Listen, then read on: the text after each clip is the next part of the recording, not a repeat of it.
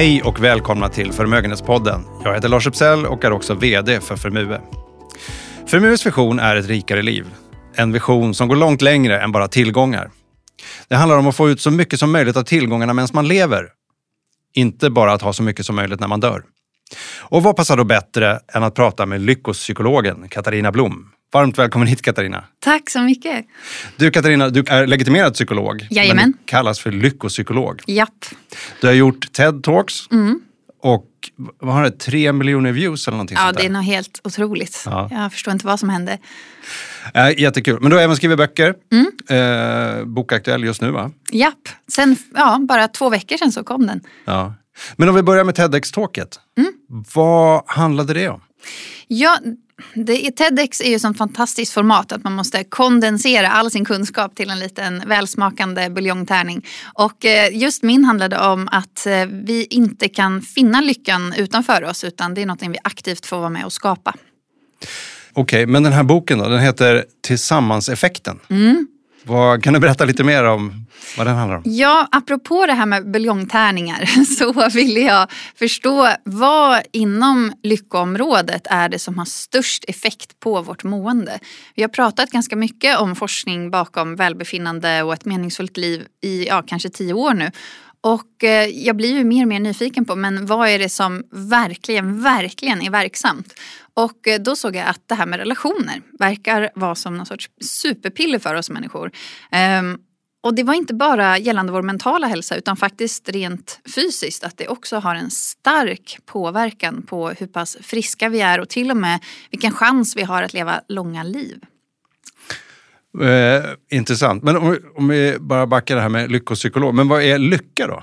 Om du skulle definiera det. Ja, alltså en bred definition på lycka som jag tycker är ganska bra. Den rymmer mycket. Det är en modell som en psykologprofessor, eller psykologiprofessor som heter Martin Seligman har gjort. Han eh, kom på en akronym som heter PERMA med ett tyst H på slutet. Som PERMA.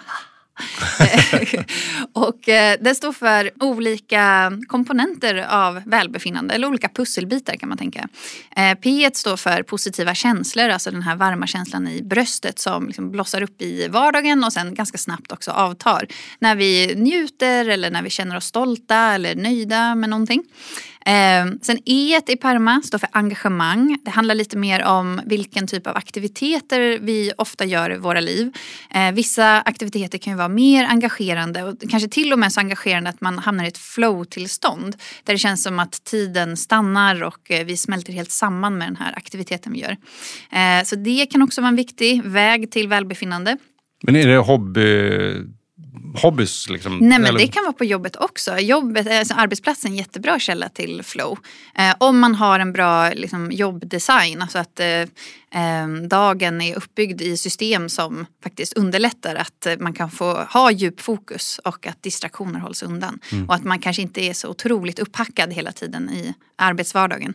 Eh, men absolut hobbys också. Det är, eh, flow never sleeps. Det, det kan poppa upp var som helst. Ehm, och sen så har vi R i PERMA som egentligen står för positiva relationer.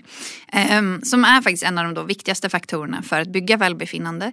Och sen har vi M som står för meningsfullhet. Ehm, här definierar man meningsfullhet som att vi har en långsiktig strävan i våra liv. Ehm, det kan vara ett syfte eller det kan vara långsiktiga mål. Ofta handlar det om att vi vill kunna bidra till någonting som är större än oss själva. Då uppstår känslan av mening. Och sen har vi A på slutet som står för achievement. Vilket jag brukar översätta till gott utförande. Eller att man, att man känner sig kompetent, att man kan faktiskt prestera. Eh, Jag kan nå mina mål, jag är förmögen att göra saker. Att ta kliv i livet mot det jag tycker är viktigt. Och sen det här tysta H Tysta H, ja. som står för den fysiska hälsan. Eh, För en god fysisk hälsa är en jätteviktig faktor för att vi också ska kunna må mentalt bra. Och eh, om jag får kommentera en sak, Ja. på, för jag tycker det är väldigt intressant. I den här eh, PERMA-modellen just kring relationer så har man sett att relationer är inte tillräckligt för att bli lycklig och nöjd med sitt liv. Men det tycks vara en nödvändighet. Alltså om man har alla de andra bitarna i livet men man saknar tillfredsställelse med sina relationer så kommer vi med stor sannolikhet ändå inte känna oss tillfreds med våra liv. Eh, så det, man kan tänka att den pusselbiten är otroligt viktig för att vi ska just få en känsla av att jo, men, jag känner mig nöjd med tillvaron och jag, är liksom, jag, jag kommer åt den här känslan av välbefinnande i vardagen. Hela pärman måste med så att säga för att ha lyckan antar jag. Man kan nog se det som olika breda ingångar till välbefinnande. För jag tänker, vem har allt det där jämt? Det har vi ju inte. Livet är i konstant förändring och något funkar, något funkar inte. Eh, men just det här med relationer tycks vara som någon sorts grundförutsättning för att lycka överhuvudtaget ska kunna uppstå. Mm. Men du, det här med relationerna. man har ju olika relationer. Mm. Nära relationer kanske i hemmet och vänner och ytterligare bekanta. Är det många relationer? Eller vilka relationer är viktiga? Är det mm. husdjuren? Ja, precis. Eh, den absolut mesta forskningen har faktiskt gjorts på ens partner och sen därefter på nära vänner. Eh, så att det man har sett är att just de här nära banden, man kan också kalla dem för, ibland, vissa använder inom forskning, man kallar för de tjocka banden i livet. Eh, de är de som har störst påverkan på vårt välbefinnande och också på vår fysiska hälsa. Men Även så kallade tunna band, alltså återkommande men ytliga bekantskaper e- räknas också på hälsokontot. Så man kan tänka att alla ens, eh, alla ens sociala band eh, kommer att växlas in både i, liksom, på det här med välbefinnande och på hälsa eftersom vi har en otroligt socialt lyhörd hjärna som är van vid att eh, hur jag har det i mina relationer går att direkt översätta i överlevnadschanser. Så en hjärna som inte är så relationellt eh, lyhörd eh, hade sämre chans att klara sig för 40 000 år sedan.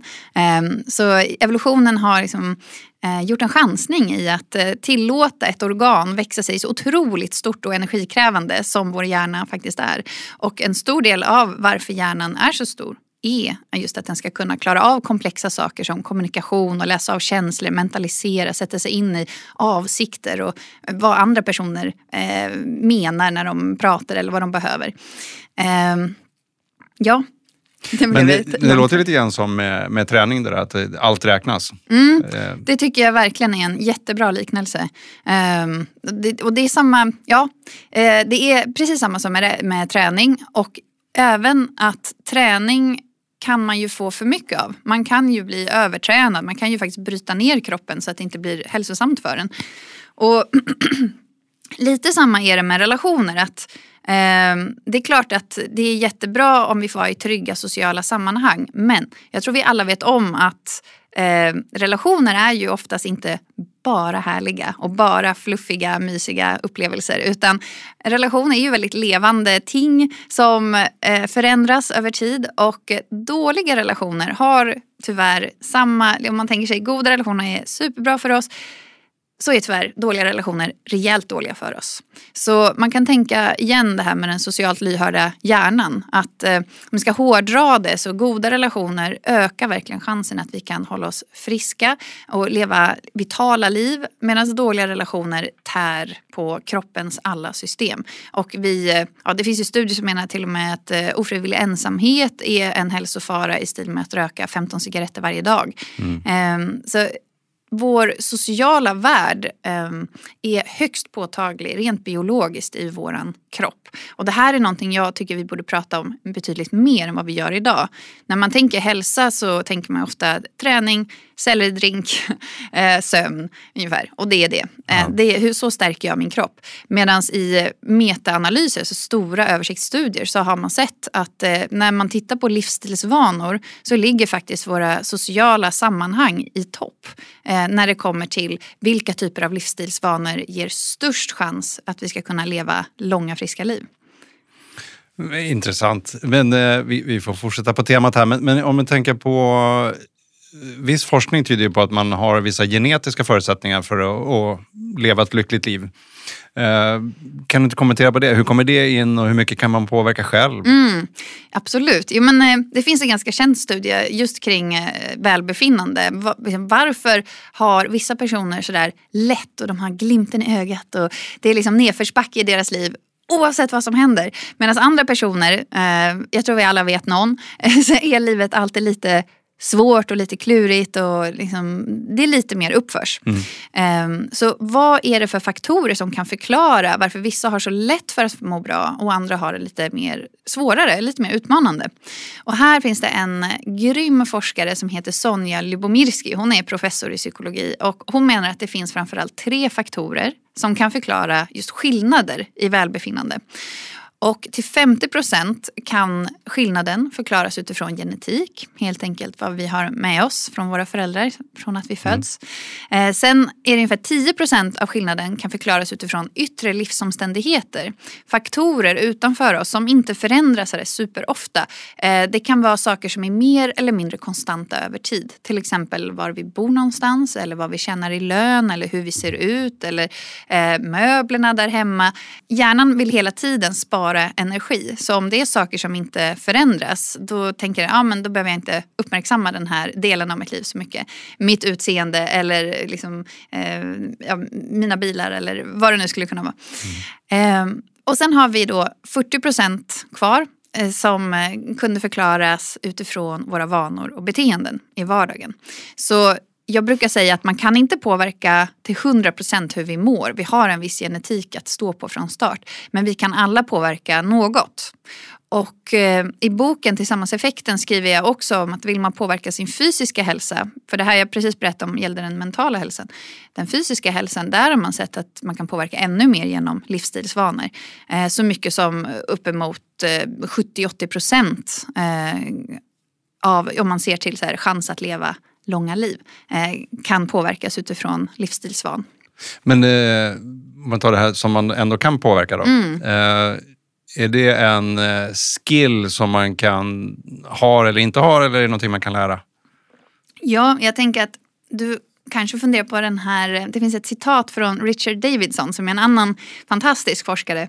Han brukar säga happiness is a skill och det är någonting som jag gärna refererar till för att det ger en känsla av um, jag ska, ja, kraft kanske, jag var på väg att säga makt men det låter fel. Men mm. det ger en, en, känsla av att vi kan faktiskt göra något. Vi agens, vi kan påverka autonomi. Liksom. Jag kan påverka hur jag mår. Uh, och lycka tycker jag länge har känts som någonting lite mystiskt. Alltså någonting som kommer och går och det är det där svårfångade och vi alla längtar efter det. Och varför kan vi åka till månen men vi vet fortfarande inte riktigt hur man blir glad i vardagen över tid.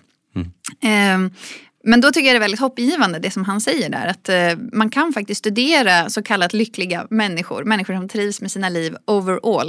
Uh, och undersöka men vad gör ni för någonting. Hur tänker du när någonting utmanande händer? Eller eh, vad har du för vanor i vardagen som upprätthåller det här goda måendet? Och sen kan man ju som vanlig dödlig försöka att prova på sådana här vanor och se hur funkar det här för mig i mitt liv. Så det här är ju sånt som jag ofta är ute och pratar om i organisationer men också med klienter. Eh, och testa på i mitt eget liv såklart. Du, jag tänker på eh, ungdomar tonåren, gymnasieungdomar och så vidare mår sämre, det är ångest. Eh, de har mer relationer än någonsin tack vare sociala medier. Hur kommer det in där tror du? Är det för ytliga mm. relationer? Um, alltså sociala medier och unga är ju en liksom het potatis på något vis. En del menar att uh, det här är ju inte alls bra. Liksom, ungdomarna är inte ute och knarkar och har sex längre som vi mm. gjorde på vår tid. De bara sitter hemma med skärmen uh, ungefär. Och um, även här får man nog se till um, eh, lite mer se till men vad gör personerna, eller vad gör vi vuxna också på sociala medier? Eh, är vi i stärkande sociala sammanhang? Öppnar eh, sociala medier upp för att vi får kontakt med likasinnade och vi kan hamna i forum och stärka varandra och lära oss saker. Jättebra. Men det kan ju också bli att man bara sådär passivt scrollar och känner att oj vad alla andra är kreativa och hittar på fina saker och har det vackert hemma. Och så tittar man hemma och bara åh mitt liv är så tråkigt. Och så här. Det blir som bara en understrykning av hur ensam och trist allting är. Eh, då kanske det inte är jättestärkande. Så jag skulle nog säga att man får liksom det är svårt att säga svartvitt, ja, liksom bra eller dåligt, utan mer titta funktionellt. Vad gör man på sina skärmar och eh, hur får det en att må? Och ska jag titta strikt liksom på det utifrån det här med sociala relationer så skulle jag säga att är det sociala interaktioner som ändå är stärkande så är de stärkande, punkt slut. Eh, oavsett om det är på en skärm eller live eh, eller i telefon för den delen. Du, eh, jag har ju tittat på ditt TEDx-talk inför podden här och förberett mig lite grann. Och då pratade du om mind-wandering. Mm. Eller att tankarna flyger iväg. Mm. Man tänker på annat. Eh, och någon forskare har pratat om att det var upp mot 46,9 procent av tiden eller någonting sånt Ja, men visst. Ja. Du, eh, är det positivt eller negativt? Ja, i den här studien så var det ju det man ville ta reda på. Hur påverkas vi av att vi så väldigt ofta, alltså nästan hälften av vår vakna tid, tänker vi på andra saker än det vi faktiskt gör. Och då såg man att eh, vi mår faktiskt som bäst när vi är fokuserade liksom, och har vårt fokus på det vi också pysslar med. Även om vi gör någonting som vi inte tycker så mycket om egentligen. Eh, vilket kan vara lite förvånande. Och annan rolig kuriosa från den studien var att det, den aktiviteten som gjorde att vi oftast var mest fokuserade, liksom, både det vi gör och det, det vi är fokuserade på, det var när vi hade sex. Eh. Men så det här är ju någonting som man absolut kan träna på i vardagen. Att ha fokus på det jag faktiskt gör. Även om jag gör någonting som jag tycker är lite tråkigt. Eller så att, att ändå, ja, enligt den här studien så är det ändå bättre för vårt mående att vi är kvar där. Det är då man har med sig det flow. Exakt. Ja, exakt. ja, ja, ja. Men du, eh, du har ju pratat om det här psykologiska immunförsvaret. Mm. Är det att det, det psykologiska har så stor effekt på vårt mående eller vad, vad ligger i det? Ja, det är ett begrepp som en eh, man som heter Dan Gilbert har eh, forskat fram. Han eh, såg att vi människor vi är ganska dåliga på att förutse hur olika enskilda händelser kommer påverka vårt mående. Hjärnan har en tendens att överskriva enskilda händelser eh, betydelse för vårt mående. Så att eh, det är lätt att vi fastnar i antaganden som att eh, eh om eh, min partner lämnar mig så är mitt liv över. Eller eh, bara, eh, ja vad skulle det kunna vara? Bara jag får den där lönen så kommer jag äntligen bli lycklig. Eller bara jag får det där barnet kommer jag äntligen bli lycklig. Eh, och det är precis så här, det går åt båda hållen. Att hemska händelser tror hjärnan kommer förstöra våra liv för evigt. Och eh, underbara händelser kommer göra oss evigt lyckliga. Medan han såg i sina studier att ingenting av det här eh, stämmer. Utan Eh, när någonting jobbigt eller härligt händer så påverkar det oss både positivt och negativt i mindre utsträckning än vad vi trodde. Och det här är på grund av att vi har ett psykologiskt immunförsvar som träder in när någonting drabbande eller starkt upplyftande händer i våra liv eh, så kliver andra livsområden in och buffrar upp oss. Så blir vi av med jobbet så kanske vännerna blir viktigare under en period eller vi kanske tar tag i den där träningen eller vad det nu skulle kunna vara. Eh, och det är någonting som jag tycker kan vara värt att påminnas om. För jag tror vi alla kan gå i den där tankefällan. Att tro att eh, man blir enögd på ett visst fokus och bara jag når det här så kommer allt magiskt ordna upp sig. Men livet är ju mycket mer komplext än så och även vårt mående. Och det gäller både lycka och problem, Olycka. Ja, Ja, olycka eller absolut. problemsökande. Att man fastnar i en, i en tanke. Då. Mm. Precis. Du, men det här är ju Förmögenhetspodden. Vi måste ju prata lite om pengar. Ja, Eh, kan man köpa lycka? Jo, men det kan man faktiskt. det kanske man inte tror. Eh, dels så, pengar är ju ett, eh, eh, ja, kanske inte det bästa, eller vad ska man säga, mest effektiva sättet att eh, skapa lycka i tillvaron. Eh, där har man ju sett gång på gång, till exempel det här med relationer är mycket mer direkt sätt att eh, öka välbefinnandet i vardagen. Men pengar kan absolut skapa mer lycka i våra liv. Ehm, det går ganska snabbt till att vi, når, om man tänker rent inkomstmässigt, att vi når ett visst tak. Där liksom pengar har en stark betydelse för vårt välbefinnande när vi inte har så mycket pengar. Och ju mer pengar vi har desto mer kommer vårt välbefinnande öka till en viss liksom, gräns. Eh, och ofta går den gränsen vid någonstans där vi känner att vi inte behöver oroa oss så mycket för vår ekonomiska trygghet. Eh, vi kan känna att det finns en viss förutsägbarhet här och eh, jag har liksom mina mest grundläggande behov täckta. Eh, men om man har mer pengar över och vill liksom använda dem på ett klokt sätt ur ett lyckoperspektiv då skulle jag säga att det bästa man kan göra, har man sett då i studier, är att ge bort till andra. Så att ge pengar till andra, supereffektivt för att öka sin eget välbefinnande och att investera i upplevelser. Och då ska man hellre investera i mer upplevelser då än materiella saker. och hellre upplevelser som är små upplevelser över tid än stora engångsupplevelser som inträffar väldigt sällan. Ehm, så här kan man ju skapa sitt eget lilla lyckoformula. Kanske någonting stort och häftigt någon gång, väldigt sällan. Och sen så se till att sätta eh, vardagsglans, ehm, skulle jag säga. Vardagsglans. Men du, det låter lite grann som Maslows behovstrappa det där. Att man, sen är det självförverkligande som kommer på toppen där. Ja, men eh, i min bok till exempel så har jag skrivit lite, tar ner Maslow, bryter ah. ner honom och bara ja, skjuter honom lite i foten. Eh, kanske. Det här är ju en enormt vida spridd eh, modell över vad som skulle ge oss välbefinnande. Och eh, han har ju fått också ganska mycket kritik för den här ehm, eh, pyramiden.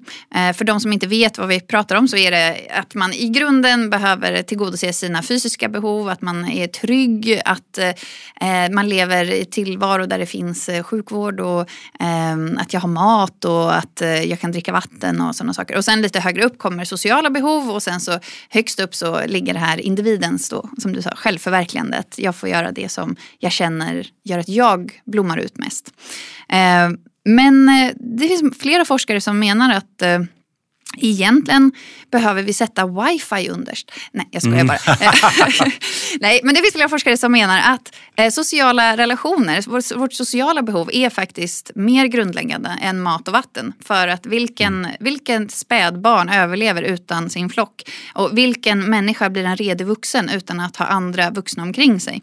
Så vårt sociala behov behöver absolut ligga i grunden. Och sen kan man egentligen inte rangordna behov eh, hos oss människor på det sättet att man bara har ett behov i taget och att det finns en hierarki. Utan vi har ju massa behov hela tiden. Mm. Um, men uh, ja, jag tycker det är intressant att uh, igen att det, det är som en rörelse ute bland forskare just nu tycker jag som sätter fingret på mer och mer det här att uh, vårt sociala behov är faktiskt, eh, ja, det går att likställa med vårt behov av just mat och vatten. Och att det är universellt, att vart vi än reser runt i världen så kommer man träffa på människor som påverkas i stort sett på liknande sätt av just sociala relationer.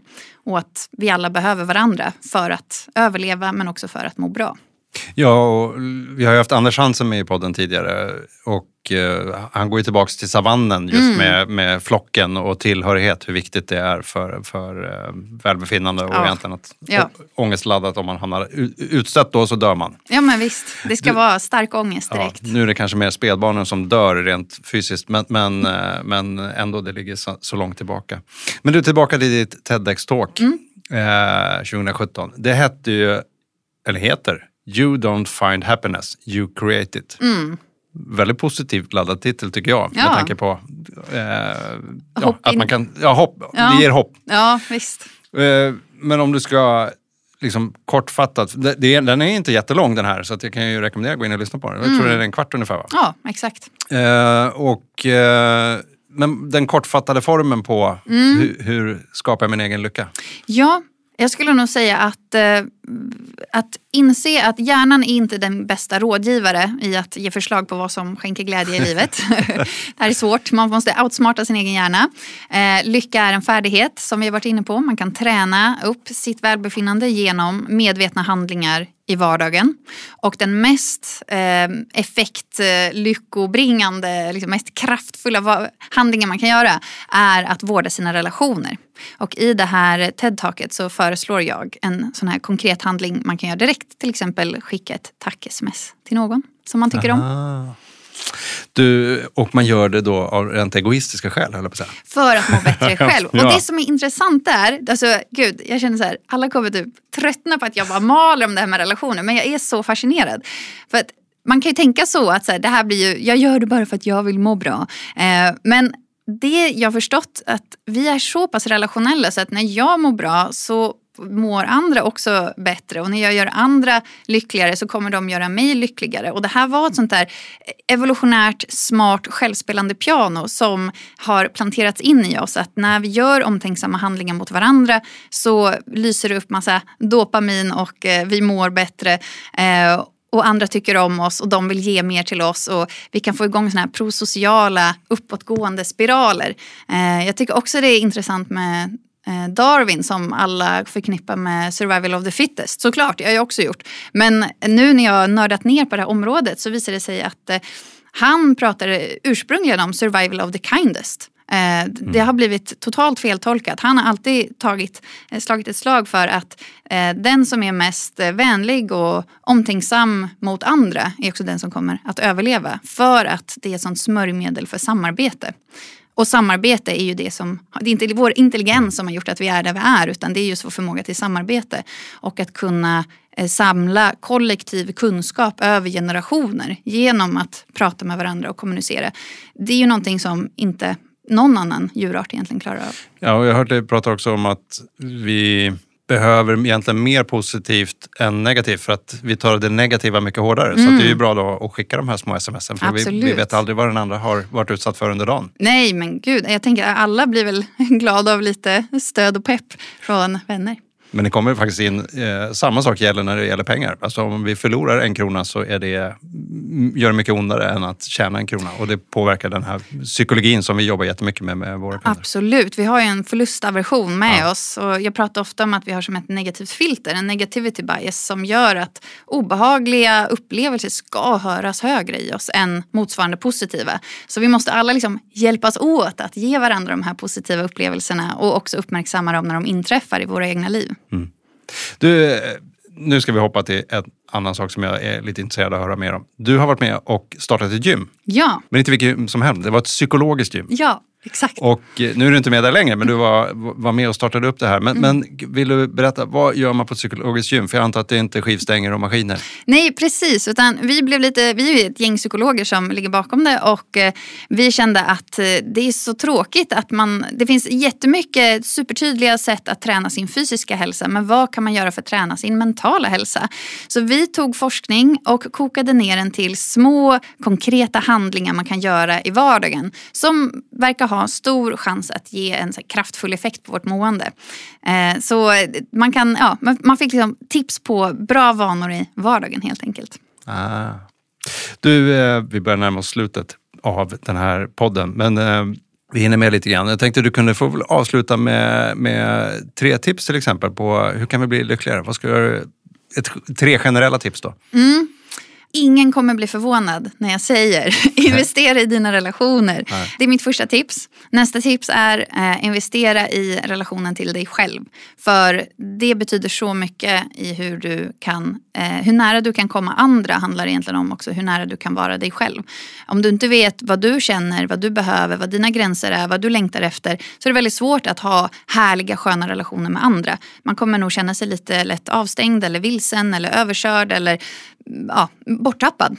Så att träna på att vara en vän med sig själv och Hur gör man det? inåt. Hur mycket tid har vi?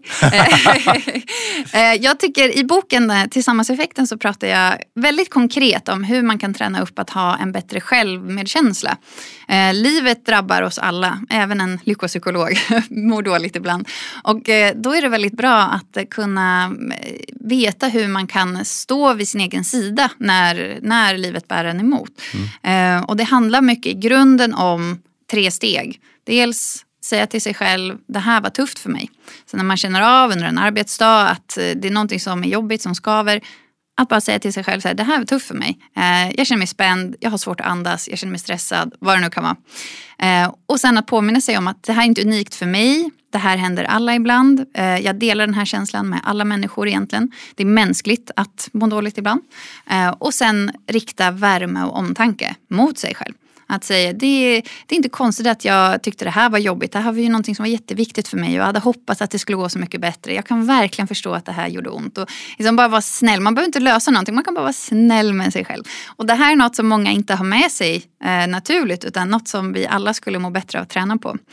Och då tror jag att vi också blir en härligare vän och härligare medmänniska till andra. Eh, så kanske är det det här som är den riktiga tillsammanseffekten. Att eh, både vara eh, vänlig med sig själv för att kunna lättare mm. vara vänlig med andra också. Och du bad om ett tredje tips. Ja, jag tänker det. investera i relation till andra, investera i relation till dig själv. Och sen eh, att skapa goda vanor i vardagen av de här två tidigare tipsen.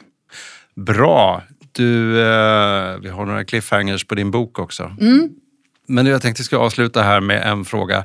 Den 20 mars har jag fått reda på, då är det den internationella lyckodagen. Hur ska du fira den? Jag tycker det är bra att eh, öka på den här vardagsglansen så mycket man kan. Eh, så förmodligen att eh, ha någon liten tårta och busa extra med barnen där hemma. Någonting sånt enkelt. Det låter som en fantastisk dag det också. Men du, stort tack Katarina Blom för att du kom hit. Tack så mycket. Och tack till er lyssnare där ute och eh, slår ett slag också för Katarinas bok och eh, TEDx-talk. Tack ska ni ha. Tack.